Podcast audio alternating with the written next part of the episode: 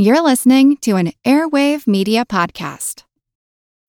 When you need mealtime inspiration, it's worth shopping Kroger, where you'll find over 30,000 mouthwatering choices that excite your inner foodie. And no matter what tasty choice you make, you'll enjoy our everyday low prices, plus extra ways to save, like digital coupons worth over $600 each week. You can also save up to $1 off per gallon at the pump with fuel points. More savings and more inspiring flavors make shopping Kroger worth it every time. Kroger, fresh for everyone. Fuel restrictions apply.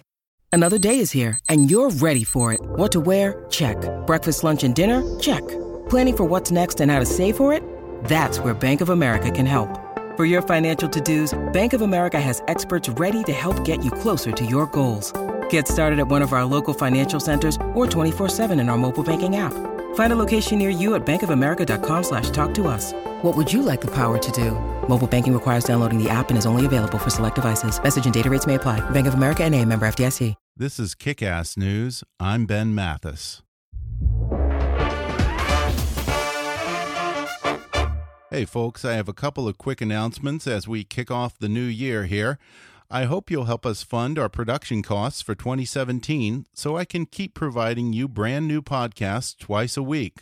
Show your support for the show by giving to our GoFundMe campaign at gofundme.com slash kickassnews or click on the donate button at kickassnews.com.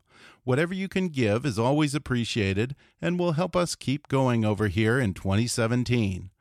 I also want to ask you to take a brief listener survey so we can better understand you, our audience, and find advertisers who are best matched to your interests. Just take five minutes to go to podsurvey.com slash kick and take the survey. And when you're done, be sure to register to win a $100 Amazon gift card. Again, that's podsurvey.com slash kick. Thanks for listening, and now enjoy the podcast. Yes, sir, that's my baby. No, sir, don't mean maybe. Yes, sir, that's my baby now. They were the original It couple. Freewheeling, hard drinking, all night partying, and bordering on reckless, Scott and Zelda Fitzgerald were the singular ambassadors of a generation gone wild. Flaunting convention and breaking the old rules along the way, they raced toward everything new, young, and modern, fueled by boundless American optimism and champagne or gin or whatever they could get their hands on in the not so prohibitive days of Prohibition. Newspaper gossip columnists devoted extra space to accounts of Scott and Zelda's boozy late night antics, like dancing in the fountain outside the Plaza Hotel or riding on a rooftop on a taxicab up Broadway. For all the world, they seemed to be having the time of their lives. And even today, Scott and Zelda are still looked on as one of the great romances of the 20th century. But theirs was also a relationship undermined by codependency, petty jealousies, and insecurity that descended into madness and alcoholism and tragically ended both of their lives before either could see the age of 50. When he was productive, F. Scott Fitzgerald was brilliant. Many would say the greatest American novelist, but the periods in between were characterized by lengthy procrastination, easy distraction, self doubt, depression, anger, and near constant financial worries. Often, when afflicted with writer's block, he turned toward his wife for inspiration, encouragement, and it turns out, a lot more. Though often dismissed as a flapper and a dilettante, Zelda was more than a mere muse. As a matter of fact, on more than a few occasions, the very words from her letters and diaries made it into the pages of Scott's novels and short stories, leading modern scholars to take another look at Zelda's own writing. Now, Zelda is finally getting her due with a new television series from Amazon called Z The Beginning of Everything. It stars Christina Ricci as Zelda Sayre Fitzgerald and Australian actor David Hoflin as her husband, Scott. Today I'll talk with David Hoflin about his role playing the iconic American author. We'll also discuss the lie of the Roaring Twenties as one big party, the often dysfunctional relationship between Scott and Zelda, and whether they might represent a cautionary tale about getting too much too soon. Then I'll talk with the executive producers and creators of Z The Beginning of Everything, Nicole Yorkin and Dawn Prestwich. Together, they've written and produced many hours of television, including Melrose Place, Chicago Hope, Judging Amy, The Education of Max Bickford, and most recently, the acclaimed AMC series, The Killing. They'll talk about what attracted them to the story of Zelda Fitzgerald and the period of the 1920s. They'll weigh in on whether F. Scott Fitzgerald's borrowing of his wife's words amounts to plagiarism, and whether her husband may have contributed to Zelda's steady descent into madness. Coming up with David Hoflin, Nicole Yorkin, and Dawn Prestwich in just a moment.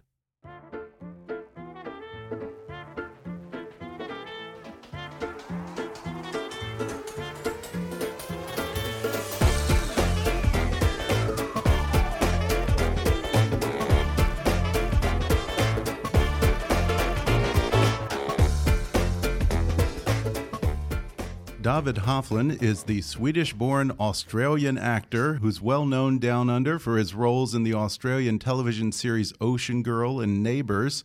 Here in the U.S., he's starred in the J.J. Abrams drama Alcatraz, as well as notable guest roles on NCIS and NCIS New Orleans. Criminal Minds, Hawaii Five-O, Supernatural, American Crime, and Once Upon a Time. Now he stars as F. Scott Fitzgerald in Amazon's new series Z, The Beginning of Everything. So, David, Scott Fitzgerald, big shoes to fill, huh? Uh, look, I'm. I, I got to say, I'm nervous about this one because I've heard you're quite a Fitzgerald fan. So I don't. I, I, I think you know more about him than I do. So this is going to be interesting. I don't know. I figured that you've done your research. Well, no, I mean, I, I, I, did do research, but it might not be, uh, it wasn't so much research about um, reading, a lo- uh, reading a lot of what people said he was like. Mm-hmm. Um, I did more of the research on reading his own books, uh, reading his, his, well, to begin with, his novels, and, uh, and trying to get a grasp of what he thought he was personally. Uh, so we'll see how this goes. That's interesting that you say that because I feel that even especially as I watch the show, his writing reveals more about him than he would ordinarily reveal about himself in public. Because there were two sides to him. There's as he wanted to be seen, and perhaps as he saw himself, and then there was this deeply insecure guy who had all these inadequacies and jealousies and so forth. And those only come out in the novels. He's very honest through his characters, don't you think? I think so. Um, again, I've only I only started reading uh, this side of Paradise Mm-hmm. um, because I, I also didn't want to go too far into his life because this only spans the first season spans Right. the first two uh, approximately two years Mm-hmm. of their life together, uh, and it spans the sort of the emergence and the success of of. Um, this side of paradise. So I spent a lot of time reading that because I did hear that um, Amory, Amory, however you want to pronounce it. The we started with yeah. Amory and now and then it changed to Amory halfway through. uh, the, the main sort of character in this side of paradise was very much based on F. Scott himself. Mm-hmm. Uh, so I did more of a s- sort of reconnaissance on how he thought of himself. Um, uh, and and the views that he had, because everyone has an opinion of what F. Scott's like Right. um, or seemingly could have been like. And I think it is true. He was a multifaceted individual. He had, uh, I guess most people do, but he did have a seemingly.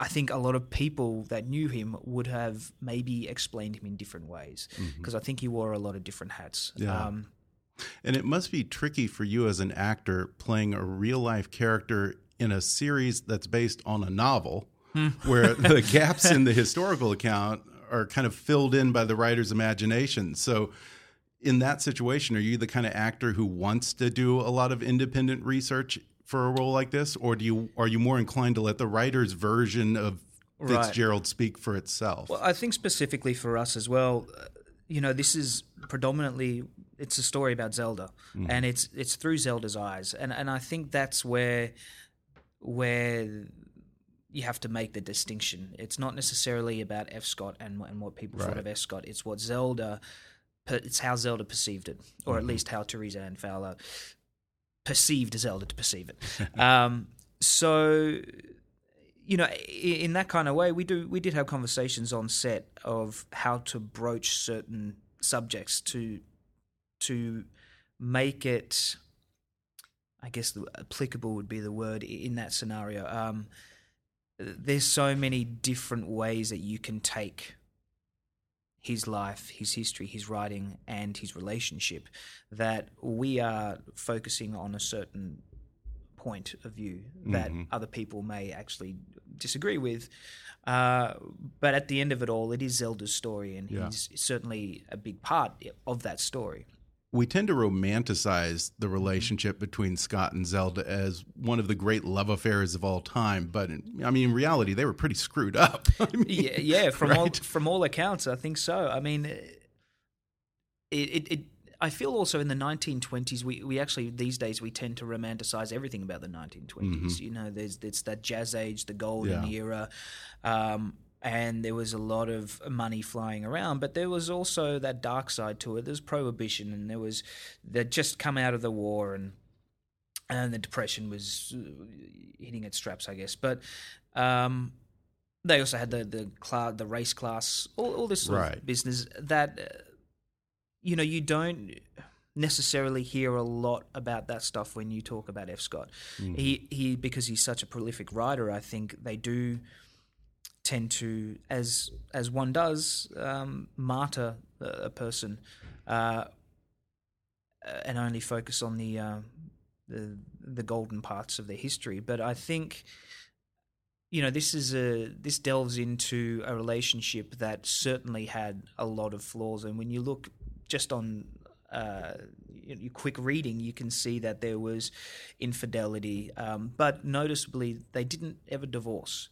Um, Right. And I think that's an also telling sign to how passionately they felt towards each other, but also the demons that they had. And I think they each had singular demons that, when they brought together, became a, yeah. a monster demon. Do you think Scott Fitzgerald was in love with Zelda, or was he obsessed with her? I think both. hmm You know, I, I do believe that uh, when, when people say that Zelda was his muse, Mhm. I, I do believe that's true. I think, and I think we certainly indicate that he can't live without her. He can't. He can't perform as well as he can without her. Um, not only her writing, you know, taking taking things, taking liberties with with her her writing, but I think from more of a uh, from more of a point of view of of him seeing her as as he did, I think that spurred his passion on a lot as well. Yeah, and that was interesting in the show. Um, you have instances where he's borrowing little phrases from her writings or things she'll say and inserting that into his own writing. I didn't know about that. Is there some basis for that? I'm curious. Or is that part of the fictionalization of the story? I think there's both. Look, uh, I've sort of, I have heard different um, accounts. There are certain people in the camp that say that Zelda didn't have much to do with uh, F. Scott's writing at all. There's others that say she plagiarized a lot. Uh, certainly, we're going into in the direction of he used her writing from her letters, from her um, uh, from the diary, but also, you know, they did a bit of writing together as well. Oh, that's So, interesting. I yeah, didn't know that. So, n- not, I don't think, I don't think they. I'm not entirely sure how deep. Again, I didn't go deeply into that part of it, but there seemed to be a little bit of a collaboration between the two. How much he used, I don't know if anyone really Yeah. knows. Yeah. Um, I wonder, do you think that he would have amounted to much without her at his side? Look, I maybe this is just an egotistical point of view because I because you you, know him. I play him. Yeah. He he has a a, a wonderful uh, way of expressing himself in his writing, hmm um, at least from what I've read, Oh, and yeah. I and I I dare say that not hundred percent of it has come from Zelda. You know, I do think that he had a very strong gift for writing, especially des- describing things. Is at least what I found. There are certain things. Um, that that I've read. I've, I've read a, few short stories of his as well, and things just jump out at the mm-hmm. page at you. And I'm I- thinking more in the mo in the sense of the motivation because you see that in the show. How Yeah. I mean, she is his motivation to Definitely. write and to succeed in life. Definitely, and I think that that's the part of it is maybe he doesn't realize how important she is until Mm-hmm. there's a point that, where he may lose her or Yeah. or go off on his own. And then you know that also ties in with the- ego part of F. Scott and the jealousy part of F. Scott. You know, I think he he's aware how much of an impact Zelda has on his life. Yeah. I think most people think Scott was more prolific than he really was. I mean, he certainly wrote a lot of short stories, but Yeah. in reality, I think he only wrote five novels. The last one was unfinished. And one thing that Z, the beginning of everything, shows is how Fitzgerald struggled with his writing Yeah. and struggled to get started and delayed and was easily distracted and just kind of tormented by it. I mean, is it fair to say that the process of writing didn't come easily to him? I think so. Um, you know, I, I think if you speak to most writers, they have instances of writer's block and, and, and trying to find inspiration. But history tells an interesting story, I think, with, with F. Scott because he didn't get any recognition for his most famous book until he died. You know, the Mhm. Gatsby, Gatsby, did not yeah. did not really do that well until his death. Yeah. Um, so, and that's a, that's a very, for me, it's a, it's a very sad thing that his most famous novel he never realized uh, Yeah. that success. So, so, so yeah, and he he passed away um, at a very young age as well. So I think that sort of brings into it. Yes, he only wrote five novels, but he also died at the age of forty four. So Yeah.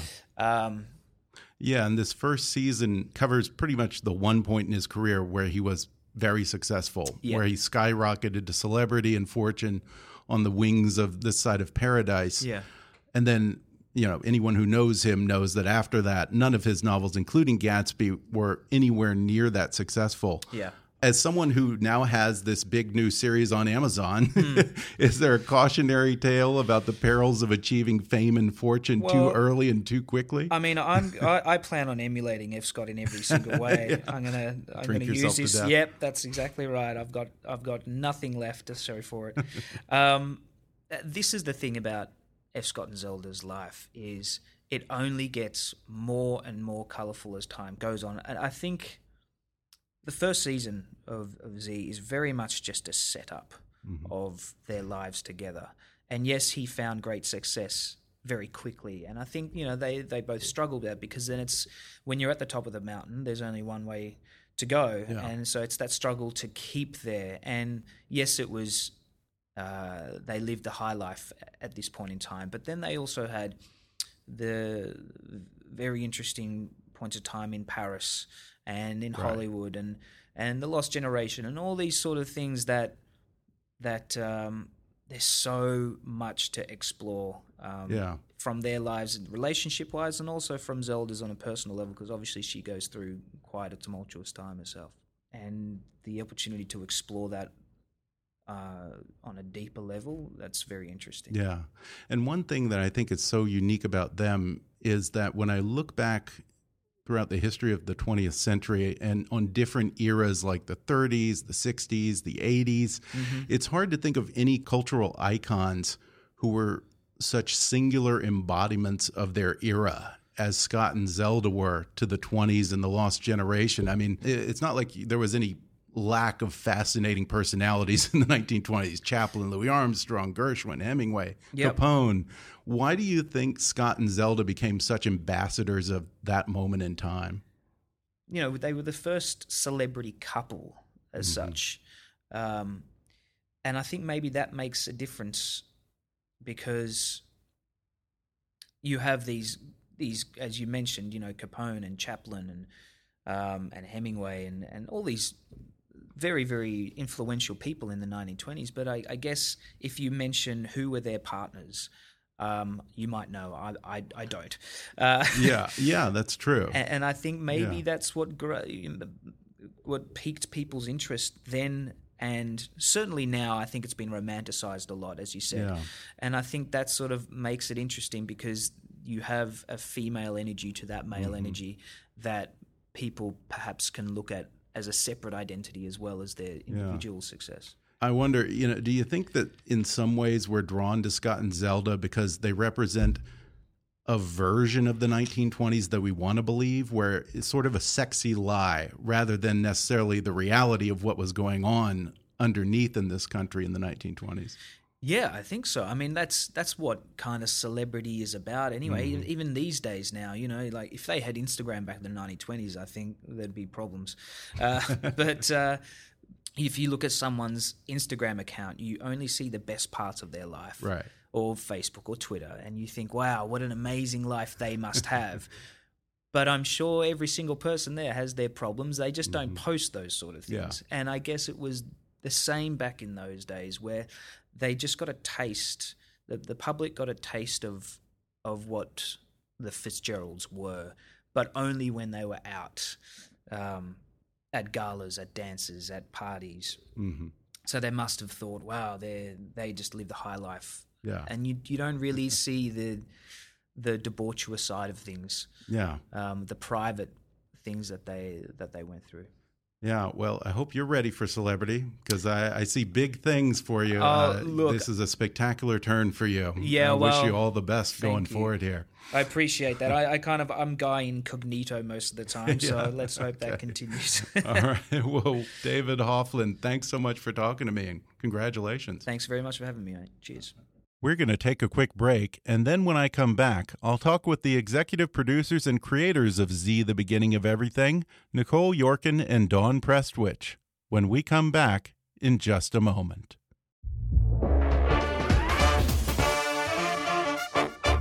So it's a new year now, and there's no better time to launch an online business or expand your online presence for your existing business, and GoDaddy.com wants to help. GoDaddy's mission is to radically shift the global economy toward life fulfilling independent ventures, helping their customers kick ass by giving them the tools, insights, and the people to transform their ideas and personal initiatives into success. GoDaddy is the world's largest technology provider dedicated to small business and the largest domain registrar with over 62 million domain names under management and big savings over other registrars. Their award winning 24 7 support will help build your online business and give you everything you need to get up and running. Whether you have a new idea or an established business, the key to success online starts with a great domain name, and GoDaddy is trusted by 13 million customers. That's more than any other registrar. And right now, my listeners can get a special discount on a GoDaddy domain if you just use my offer code KICK30 at checkout to get 30% off new purchases. That's GoDaddy.com and offer code KICK30 for 30% off. You don't have to spend a fortune on a domain. Just go to GoDaddy.com and type in the offer code KICK30 at checkout for 30% off and launch your online business today. And now, back to the podcast. I'm talking with Nicole Yorkin and Dawn Prestwich, the executive producers and co creators of Amazon Z, The Beginning of Everything. Nicole and Dawn, thanks for sitting down with me. Thank you. Thanks for having Yeah, us. thank you. Z, The Beginning of Everything tells the story of Zelda and Scott Fitzgerald's tumultuous relationship through the eyes of Zelda. Um, until very recently, I feel like she was largely dismissed as sort of a dilettante or the first flapper.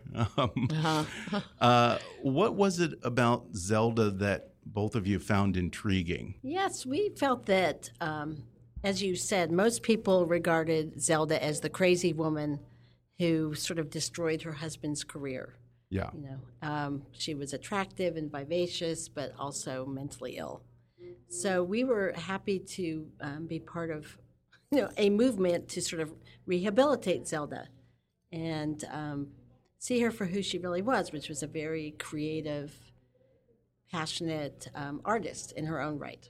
As writers too, she's a she is a wonderful character. As a as an actual human being who lived, you couldn't pick a better character in terms of, you know, the the the flaws and the talent and the you know the drama of her life. So I think you know it was we were delighted to be able to tackle that. I do have to say that you're both very brave women for taking on perhaps America's greatest writer and calling him out or calling him to account, let's say, for generously borrowing from Zelda's own words. Have you received any backlash from the literary community or a- accusations that this is some kind of feminist revisionism? Well, we have heard from a few um, Scott fans who don't think we do him justice. However, we will say that we spoke to a lot of, um, you know, Scott Fitzgerald experts, professors, um, other people who felt that this is a fairly uh, fair portrayal of Scott. You know, because we're not saying that he stole everything from Zelda No. at all. We're just saying that yes, he did borrow, and um, I think he did have some issues with her being an artist in her own right. But that happened later. Yeah, I think that as as writers too, we of all people really understood um, a writer's process, Yeah. and and Scott was was you know he fell in love with Zelda, but he was also inspired by her. I mean, she was really the true modern. She was this woman who didn't care what anyone thought in an era from the South, you know, when all women cared what everyone thought. There were Right. just strict boundaries about the way you were to live your life and the way you were you were supposed to act. And he was so taken by her that it makes sense that that he would then pull her words into his characters as he created characters that were similar to her. Now, there were times I think as as the years went on that Zelda started to want to have a creative voice. Mm-hmm. And that's where the problem began for her. Because Scott had had sort of marked out his territory and his territory was their whole life basically. Right. Yeah. And I mean, so- yeah, they, they yeah. both couldn't write about the, the same story. exactly. Yeah. Exactly. But in the Yeah. beginning, at least in this this first season, she's actually delighted that somebody takes her words seriously enough to actually reprint them. yeah, it was a, it's a huge turn on for her. Yeah. I mean, you know, nobody nobody was taking her seriously in Montgomery. She was the belle of the ball. She was beautiful. The guys all wanted to to kiss her, you know, etc.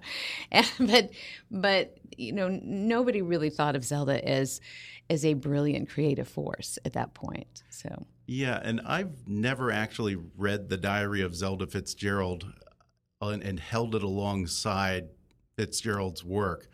How much did he actually borrow from her writing? Because there are specific phrases that work their way into his novels, huh? No, her diary is lost to history. Her diaries Okay. are lost to history. We know that Scott read them and he actually did pass them on to his editor at one point, Maxwell Perkins, and said, You should publish this as a novel. So those have been lost. But what he did borrow from that we know about are some of her letters.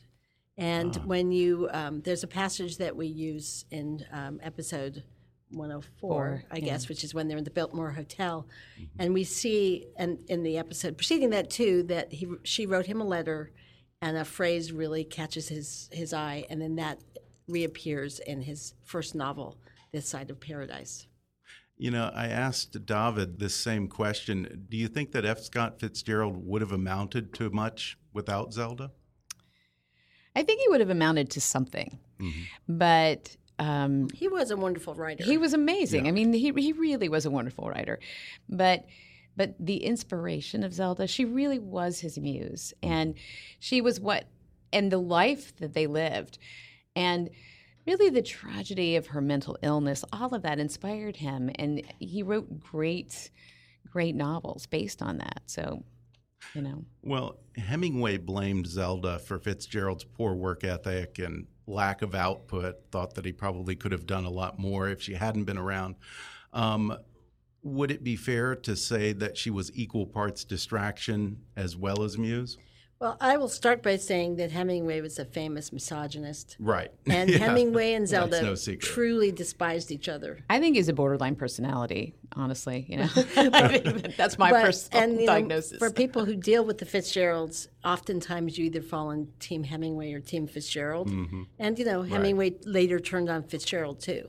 Right. And he was famously jealous of him. Yes, and, and, and so on. But, you know, um, she was a distraction in that they liked to go to parties together and revel together, but She stopped drinking a long time before he did. Oh, really? That's interesting. Yeah, and you know he died of. I mean, he was an alcoholic Yeah. through the end of his life. He died of a heart attack, but um, you know she had other issues that she dealt with. But but uh, he he was somebody who had a serious drinking problem.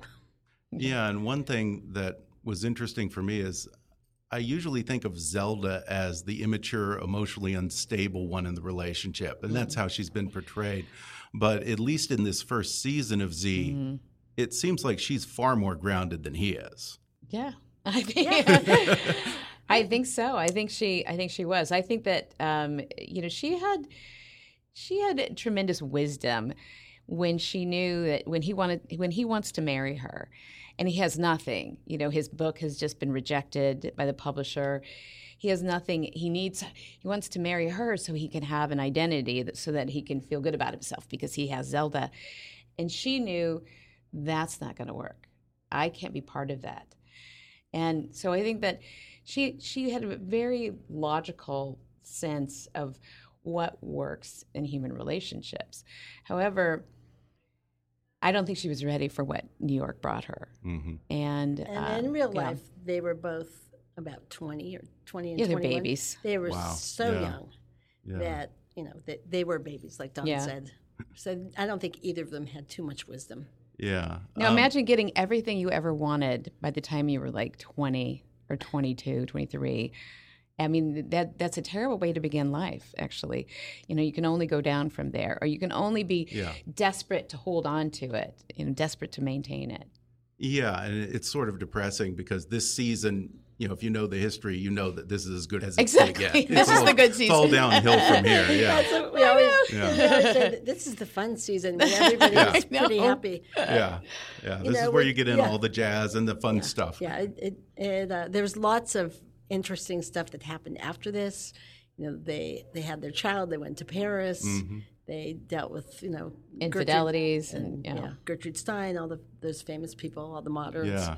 But you know, it wasn't all fun and games. Now, is that what might come into a season two? I'm hoping that Amazon uh, will Yeah. do an order for a second season here. I'm yeah, very thinking well Paris, might. Hemingway. I'm just trying to remember the You know, timeline for here. for many reasons, we would love to go to Paris for next Yeah. season. You know, there was um, there are other places we could go because that would be skipping a few years. Yeah. So we could go to them having their child, and they were in St. Paul, Minnesota, and New York. You know, for a couple of years, and then they finally went to Paris. We feel like, you know, there's but there's a lot of fun. There's a lot of fun in Paris and we feel like we need to live in the fun place as long as we Yeah. can. Yeah, Since we're going to their go to a dark place. Yeah. I mean, this this show makes no bones I think about uh, you know, heading in a dark direction. Mm-hmm. This, these are real people who had a hard life. And you did actually shoot this in New York City. Is Yeah. it hard doing a period piece in New York? It was very difficult because um, New York isn't what it used to be, obviously. But we had an amazing production designer Yeah. named Henry Dunn, Okay. who was a genius. And you know, if you see the the show, you'll see the Biltmore Hotel, which was actually built on a soundstage at oh, Silver Oh, Cup wow, Studios. okay. Yeah, there's a speakeasy that that Henry just whipped up. Yeah, and later there's a house in Westport, Connecticut that they lived in that was also the exterior is a real house, but the mm. interior is all a set. Yeah. But we did have to do a little bit of you know special effects, CGI work, getting rid Yeah. of air conditioned grates and you know little Yeah. lights and things that you know Yeah, and have been you know, there. were tells. And the funny thing is, when I think back ten or fifteen years when I would pitch TV shows, I remember a time when no network would even take a meeting about a period series. Oh yeah. And things have changed so much now. I, I, I don't think it's an accident that Amazon is attracting the major stars and the big movie directors and writers that they are. Um, you both have worked together in network television. What do you find different about working with Amazon? Well, we have to say um, much of the credit for the series goes to Joe Lewis, who at the time was in charge of half hours at Amazon. Now I think he's in charge of both half hour and hour. But he right away said, "Yes, I want to do this as a series," and he wanted to do it as a half hour drama, which is something unusual. And yeah, it is. you know, Amazon was willing to back us all the way. It was a great experience. Yeah, I mean, it was it, it was incredibly unconventional the whole process, and that was really exciting. I mean, we were we we couldn't believe because even when even when um, Christina and, and Pam reached out, Pam Koffler reached out to us looking for writers and, and showrunners, um, I think we were amazed that that Amazon was willing to do this material to set an entire to make a show about real people who'd really lived and that's set in the 20s it'll go into the into the 40s right Yeah, a little bit into the 40s i think Okay. yeah Wow. Yeah. When did she die? She died of 48. really tragically in a fire, right? Yeah. 48. She did, and you know that's A how we hospital fire. start our pilot. And Right. not in the first episode, not not everybody realizes that's what it was. But she was um, sedated. She was about to get electroshock treatment the next morning. She was in a, a mental facility in North Carolina, and a fire broke out. And apparently, she never even got out of her bed. yeah Wow. They only identified her by a slipper that was under underneath her bed. body Yeah. yeah Tragic. yeah Um, do you think that F. Scott Fitzgerald contributed, perhaps even heavily, to her mental unraveling? Mm, yeah, not not necessarily. At the time, she was diagnosed as schizophrenic, and it seems more likely now that she was probably bipolar. And um, we're not so sure it's Scott as much as the treatment that she received Yeah. in these. That's hospitals. really that would that would Yeah, when you really think dark about. I mean, ages of Scott, of course, health. being married to Scott and the mm-hmm. life that they led and, and the, the insanity of it all, of course, that would contribute. But but really, it was it was the treatment. The it was pretty you know it was pretty crude.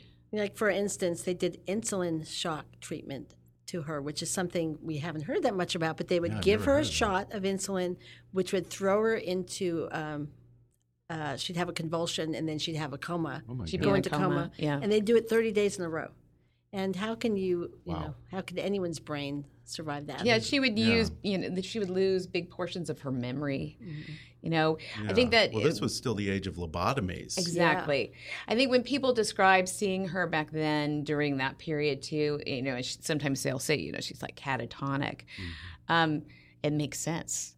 It makes sense. I mean, she her brain was really damaged by what they did to it. And interestingly, Dawn and I did a, a research trip to Montgomery, Alabama, and we went to the Fitzgerald Museum, which is uh, housed in a, a house in Montgomery that they lived in for a while. And when you see pictures of Zelda, even a few years after this, she looks like a completely different person. You would never know it was Zelda. And we think, you see the pain on her face, and you think it was the treatment that probably just did that to her. Yeah. Yeah. Um, anytime a movie or television show takes place in this particular period, there's always this danger of the set piece of the Roaring Twenties overwhelming the story, and the whole piece just devolves into kind of one loud, boozy party. Yeah. Um, was that a trap that you both had to be mindful of when approaching this material? I think that just as writers who've been doing this for a while, I think we just know, you know, we stay with the character. You know, we keep telling our story and we move through different periods. I mean, the fun thing about this season is every two episodes, we kind of change where we are, or kind of what the focus of the backdrop is. And um, so I think that. I don't think we ha- we had to work that hard. I think we just know that that's good storytelling. And we you know? had wonderful writers Yeah. who were on our Yeah. writing team who who brought so much to the picture. yeah. Yeah, and also wonderful music. I mean, Oh, I'm a yeah. huge, huge, huge fan of early jazz, Louis Armstrong, Jelly Roll Morton, all of those things. Um, who did the music to Well, this? it was, um, you know, all of the needle drops per se were Alex Patsavas, Okay. who is, you know, One of the greats. the she really is. She's a great music supervisor, you know, supervisor. she's she's done, you know, Mad Men, you, you name it. She's done all the. yeah, she does all of Shondaland. You know, she's Okay. she's just she's everything. And then we Okay. had a wonderful composer, uh, uh, Marcelo, Marcelo Zarvos, Zarvos, yeah. a Brazilian composer who um, just brought so much feeling Yeah. and heart, you know, and beauty. And we had rules. I'm hoping there's going to be a soundtrack, by oh, the way. there, there. I think there is already. Oh, is on, there on already? I- Amazon? I, literally Yep. looked, uh, I think, a day or so ago, Oh, right There after is. it came out. Yeah, I so think I think there I'll is. I think there will yeah. definitely be something there. But um, But we enjoyed listening to, Yeah. well, like you were saying, we, we, we tried to keep the music. If it was 1918, then the music had to be from Yeah. that the period. music that you hear on uh, like this that that is um, happening is source, meaning it's happening in the scene. You know, like there's somebody playing a record. We tried to we tried to go with music that would have been playing at that time. The music that's on the soundtrack, we gave ourselves some leeway Yeah. because you know sometimes you just you just need a great number. Yeah. That's what, that's Although, Yeah. you know, in the pilot, we actually um, had an orchestra re-record the songs that that Oh, really? we used in the dan And there are a couple of dance Oh, cool. scenes. yeah. What, what orchestra was it? Do you know?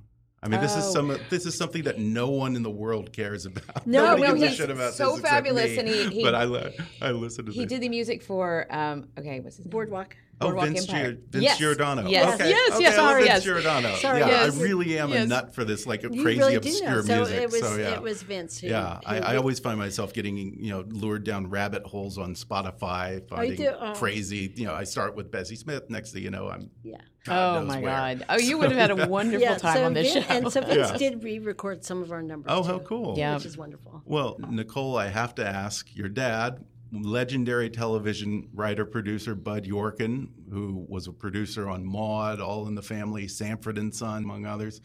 Um, I'd be curious, what was the most important thing, perhaps, that you learned from him about working in television?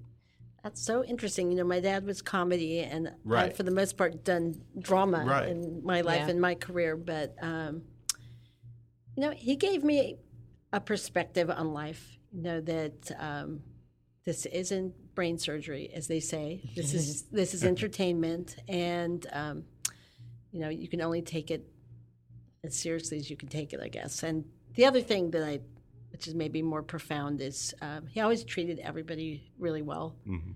And so, you know, Dawn and I always try to maintain a, um, a policy of being kind and, you know, generous to people we work with. And then you get it back in spades. And I think I learned that from my dad. But I also want to throw in, you know, I think I think a lot of people, um, and she wouldn't say this, but I think a lot of people assume that, um, you know, because Nicole's father was was a successful television producer director at the time, that somehow he was he was pivotal to her being in the business. Right. And Nicole actually went the opposite direction. She ended up as a as a journalist working for the Herald Examiner. Oh, But then, Okay. but then you know, Wow. she just she she's a storyteller, and she ended Yeah. up she ended up going to the American Film Institute, and that's where we met and we became Yeah. partners, but writing partners.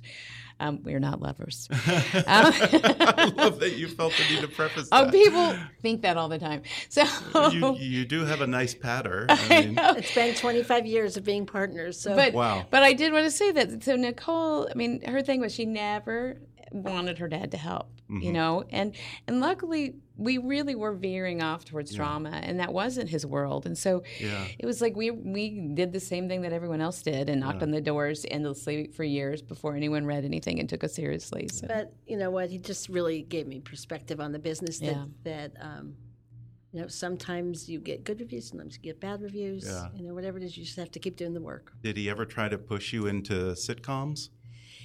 You know, he never did, No? and I'm actually sad to say that he never got to see Z because he Yeah. he died just three days after we finished making the pilot for Z's. You know, and um, I told him about it along the way, and hopefully he understood what I was saying to him. And Yeah, well, I, I think Yeah. history is proving that you went in the right direction Yeah. here because I, I can't. It's hard to even think of a sitcom anymore. So Yeah, Yeah. the no whole kidding. genre seems to have died. that's true. Um, well, since you were a journalist, uh, before we go, do you think that Zelda would have been at the Women's March? For sure. yeah, oh yes, yeah, we were at the Women's March in Washington. I brought my Oh, the Yeah. big eight-year-old daughter. we were. Wow. Yeah, we Yeah, went. and my brought my daughter, and you know Zelda was for sure she would have been out there. Just for the drama alone. Yeah. she might have been on the stage. yeah. Well, again, the show is called Z, the beginning of everything. It's available on Amazon. Nicole Yorkin and Dawn Prestwich, thanks so much for talking with me. Thank you. Thank you.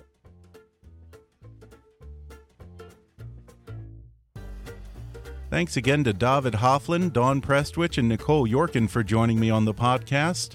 Watch the first season of Z, The Beginning of Everything, with a subscription to Amazon Prime. For more information, visit amazon.com slash z dash the dash beginning dash of dash everything. Or just go to amazon.com and type Z, The Beginning of Everything in the search box. Also, be sure to check out Dawn and Nicole's brilliant other show, The Killing, on AMC. Don't forget to take our listener survey so we can keep the show free and find advertisers who are best matched to you, our listeners. Just take five minutes to go to podsurvey.com slash kick and take the survey. And when you're done, be sure to register for that $100 Amazon gift card giveaway. Be sure to subscribe to Kickass News on iTunes and leave us a review while you're there. You can like Kickass News on Facebook or follow us on Twitter at, at KAPolitics. And please be sure to recommend Kickass News to your friends on your social media. And if you really want to help out, then donate to our GoFundMe campaign at gofundme.com slash kickassnews or click on the donate button at kickassnews.com. As always, I welcome your comments, questions, and suggestions at comments at kickassnews.com. For now, though, I'm Ben Mathis, and thanks for listening to Kick Ass News.